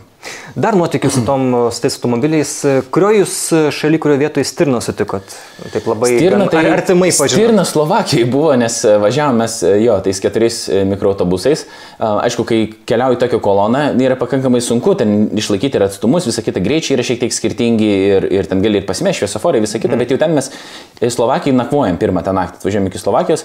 Ir, ir žiūrim kažkur, nu, atsiliko visi automobiliai, mes pirmie važiavom, mhm. skambina, Geda sako, kur jūs esat? Sako, stirna, atsidaužymis.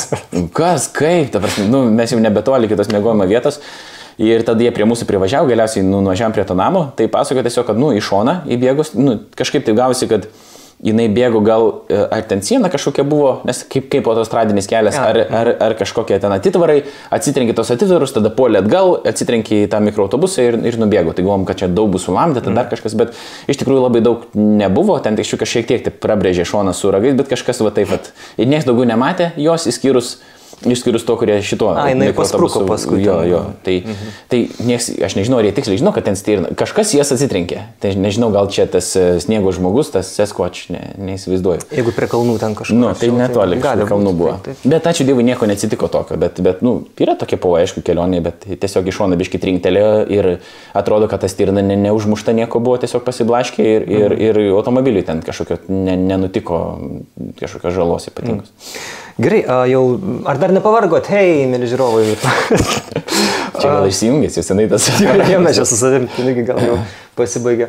Um, tai šiaip, kaip suprantu, nu, ar buvo kažkoks toks jaudulys ar kažkokia baime, kad vis tiek aš važiuoju į šalį, kurioje karas vyksta. Nu ir, žinai, Baltarusija ten kažkur netoli tos raketos kryja gan didelius atstumus.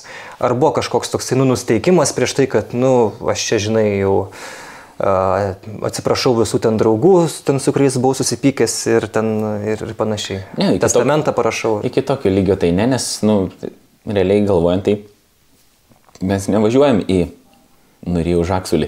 Mes, nu, mes e, nevažiuojam į tą pačią pavoj, kažkokią pavojingiausią, kokį ir saliginai saugią vietą. Kiek tai, mhm. kiek tai gali būti Ukrainoje, tikriausiai tai yra viena iš saugiausių vietų, kiek yra įmanoma pačioj Ukrainoje, Taip. dar būnant šalies viduje. Aišku, tu matai pasienį, ten žmonės su automatais vaikščioja visur kariškai apsirengę ir, ir minėjo mums, kad keliuose stovi irgi karininkai, bet mes bandėm išvengti tų, nes ten gali dar būti ilgiau sulaikytas, vėl ten mhm. gali ten pastikrinimai pradėti.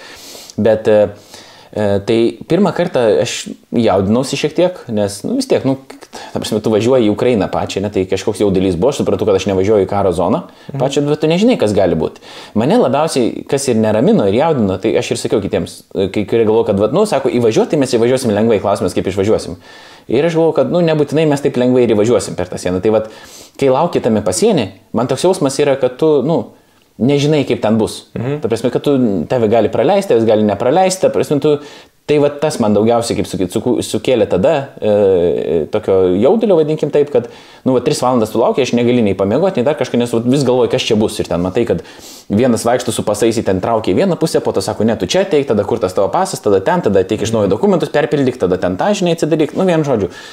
Tai, tai tokio jaudulio šiek tiek buvo, bet jau kai nuvažiuoji į pačią vietą, ir su žmonėm ten jau, sakykime, bendrauji, tai, tai tada yra nu, visai kas kita. Tu matai, kad jie yra žymiai ramesni negu tu, ten, ten bent jau esantis, mhm. sakykime, jie. Tai, o antrą kartą uh, važiuojant, tai e, gal aš, sakykime, buvo mažiau jaudulio, bet aš buvau ir mažiau ryštingas. Iš principo jau nebuvo taip, kad, lygiai taip nuoširdžiai kalbant, nebuvo taip, kad troškau važiuoti tą antrą kartą, mhm. e, bet važiavau daugiausiai dėl to, kad reikia. E, ir, ir tiesiog, nu, iš to, iš poreikio, vadinkime taip, vėl žmona išleido, viskas yra gerai. Bet kas buvo tą antrą kartą, kad e, kai jau nuvažiuoju šitą vietą, tai tada, nu, pajaučiau ypatingą tą poreikį būti ten. Ir iš tikrųjų tas, kaip sakyt, ir noras, ir tas entuzijazmas, jis buvo, nu, atgimdytas. Mhm. Nes ta pati kelionė, jinai, nu, nėra taip kažkokio ten trokštum ten daryti. Bet, bet kai tu jau susitinkė su žmonėm akis į akį ir tu pamatai jos veidas į veidą, ir jie to pasako, kad, nu gerai, yra tie pinigai ir ta humanitarinė parama, bet tai, kad jūs atvažiuojat, jūs su mumis sustinkat ir atvažiuojat dar kažkoks vyrukas ten buvo atvažiavęs iš kito Ukrainos krašto, kuris mm. irgi ten pasitarnavo, sako, tai mus labai, sako, morališkai palaiko ir pakelia dvasę. Ir tada, tada tas noras, kaip sakyti, atgimsta, nes vien teoriniai dalykai yra viena, bet kai tu, sakau, pamatai, patiri, tada ir, ir tas toks, nu, vėl pasiryžimas e, širdie užsidega Ir toliau yra tų pasiryžusių žmonių ir jau ketvirta kelionė yra planuojama po Velykų. Mm. Ir tu ją dalyvausi? Ne, aš jau po Velykų nevažiuosiu šitą kelionę, A. šitą aš praleisiu, nežinau kaip toliau ten bus ir okay. mes, mes nežinom. Uh, nu, tą savaitgalį tiesiog aš ir negaliu važiuoti, bet ir tie, kas važiavo iškirti dvi iš eilės, nu matai, kad jiems po to būna sunku, nes ten atsigauti reikia tam poros dienų po, po tų kelionių ir kai kurios buvo netgi labai greitai viena po kitos. Mhm. Tai tiesiog, atsigauti nuo to važiavimo, nuo... Nu, to... tiesiog fiziškai, tiesiog, nu, ne, ten nėra ne, ne emociškai, ne dar kažkaip, tiesiog fiziškai, mhm. kad tu šiek tiek atsigautum. Ir, ir mes žinom, kad yra žmonių, kurie žymiai daugiau važinėja, žymiai daugiau kilometrų ir žymiai sunkiau ir važiuoji tą pa, pačią karo zoną, kaip praeitie žvalgas, dar kažkas, Taip. tai mes nieko panašaus to nedarom. Tai čia tokio didvyriško nieko ir, ir iš principo nėra. Bet čia toks tiesiog noras yra palaikyti ir e, Ukrainos žmonės, ir to pačiu konkrečiai to žmonės, kurie, su kuriais yra santykis, ir tu žinai, kam tu veži, tu neveži kažkur, kažkam, ta prasme, tų mhm. biurokratinių procedūrų irgi yra išvengiama, um, tu per tą tarp esmeninį santyki uh, kažkokį veiki ir tu žinai, ką jie daro, tu gali jais pasitikėti. Tu labai matai kon konkrečią to viso, jo, tą rezultatą, sakykime. Taip, taip, ir tam, nu, ten nekyla tiek ten daug klausimų, kur ten tie pinigai nueina, dar kažkas. Mm. Tai vad kitą kartą dabar vat, jau yra suorganizuotas, e, jie paprašė nupirkti mikroautobusą, davė pinigų. O. Ir tas mikroautobusas dabar yra jau nupirktas, jis bus pirktas pilnas daiktų mhm. uh, ir dabar bus jau nekeliaivinis šitas ir jis bus nuvežtas ir paliktas ten jiems Supratau. ir jie galės jį toliau, uh, toliau naudoti. Tai, tai va, Ok, tai uh, tikrai daug džiugu uh, tokius vat, pasakojimus girdėti, tikrai smagu, kad, kad, kad yra vat, bendruomenių ir, ir, ir kad krikščionys nelieka nuo šalies šito karo, bet jie vat, visai na, bando, kaip, kaip tai gali padėti žmonėms. Ir uh, tai tikrai, vat, nu, linkiu ir, ir tau, ir, ir, ir tavo bažnyčiai, tikrai, kuo na, toliau gyvotume, tai tikrai nu, labai gražus pavyzdys, labai geras. Ir tada jau užbaigiant mūsų pokalbį, tai Grįžkime pačią pradžią, nuo ko pradėjom, nuo Velykų, nuo prisikėlimo, nuo tos esminės e, šventės krikščioniškos, be, kurio, e, be kurios ir nebūtumėm šiandien, e, galbūt ir čia šitoje studijoje nebūtumėm mes krikščionis, nes, kaip sakė Paulius, jeigu Kristus neprisikėlė, tai mes esame patys vargingiausi žmonės pasaulyje ir panašiai. Ir kažkaip, na, nori, nenori, e, Velykos prisikėlimas tave kažkaip įkvėpia, pa, pakilėja, ar ne? Ir mes, kaip sakome, esame vilties žmonės, gerąją naujieną, skelbiantis ir bandantis ją gyventi. Ir kaip tau pačiam, kai vat, vyksta daug tokių žiaurumų ir turbūt jų bus ir toliau Ukrainoje, kai, kai matom tą, tą žmonių kančią, kaip kartu kažkaip vis tiek turėti tą tokį džiugėsi viduje ir bandyti nešti kitiems, ar ne? Ar čia netokia vat, situacija, kad kaip ir, na, vat, su Kalifornija, ar ne, kaip ir norisi išvesti, norisi kažkaip, na, džiaugtis ir sakyti, kad štai Dievas yra, jisai myli, bet kartu kažkaip ir, na, galbūt nejauku, nes, na, nebūsiu suprastas, žinai, nes čia dabar mes visi tikrai pagristai turim būti, na, palaikyti Ukrainą ir, ir, ir, ir, ta, ta tokia rimtis, jinai, nu, jinai turbūt irgi reikalinga. Jinai reikalinga, bet sakau, kai ten nuvažiuoji tą vakarų Ukrainą, tu matai, kad žmonėms yra sunku, bet jie sugeba juokauti ir džiaugtis ir kartu mm -hmm. pavalgyti ir apsikabinti ir ta prasme, nu, tai nėra viens kitam prieštaraujantis dalykai. Tu tame skausme, tu vis tiek gali išgyventi ir tam tikrą džiaugsmą, nes jeigu tu vien tik tais pasiduosi tai um, nusivylimui, tai blogai emocijai ir galvosi, kad tu čia esi dabar pasaulio gelbėtas vien dėl to, kad visą laiką surūgęs vaikštai, mm. tai niekas nuo to nepasikeis. Tai taip, reikia susirūpinimą rodyti, geriausiai ne vien emocijomis, bet ir kažkokiais veiksmais. Um, taip pat, aišku, melstis, kas irgi yra veiksmas ir, ir, ir jisai veikia, dėl to, kad Dievas atsako į maldas tai nelaikyti visko lengva būdiškai, kad čia viskas, nu, sakykime, yra ne, nesvarbu ar ne, bet džiaugsmas yra ne šiaip, kad kaip faina viskas gerai. Tai krikščioniškas džiaugsmas yra ne apie tai. Kam yra įdomu, Bible Project yra filmukas lietuviškai padarytas apie džiaugsmą, žodžius nagrinėjimų serijos, Hara džiaugsmas. Ir ten yra rašoma, apie, nu, pasakojama apie tai, kaip Paulius sugebėjo džiaugtis būdamas kalėjime, kankinimuose ir panašiai. Tai tiesiog... Ne Hana, bet Hara. Hara, tai. Okay, gerai. tai tas, tas pats džiaugsmas, jis yra e, iš to supratimo, kad viešpats visa, viską valdo ir kad galiausiai viskas bus atitaisyta ir tu turi vilti viešpatyje. Mhm. Nes jeigu mes imtumėm taip ir e, bandytumėm paglobalizuoti tą klausimą, tai tada tu gali būti liūdnas absoliučiai kiekvieną dieną, nes neteisybė, skausmas, žudimai, karai vyksta kiekvieną dieną. Mhm. Į visą pasaulio istoriją tai vyko. Bet kai Sirijoje vyko karas, mes nevaikščiam visą laiką, sakykime, taip, nu, nuliūdę, dar kažkaip klausimas, kiek padėjom, neprisidėjom. Tai čia, kadangi yra tai susijęs su mumis, tai yra nu, natūrali žmogiška reakcija. Mm. Kuo arčiau, tada tuo mums taip, yra liūdniau arba sunkiau, bet tada mes galim savęs paklausti, tai mums kiti žmonės nerūpi, mums tik rūpi ukrainiečiai. Žinoma, kad ne. Tai mes turim ir, paro, kaip sakyti, yra normalu, kai skauda ir tada paverki, tada kai išgirsti apie tai, kad prievartaujamos moteris, ta prasme, ir žiauriai užmušami kūdikiai. Ir tai yra normalu liūdėti tada.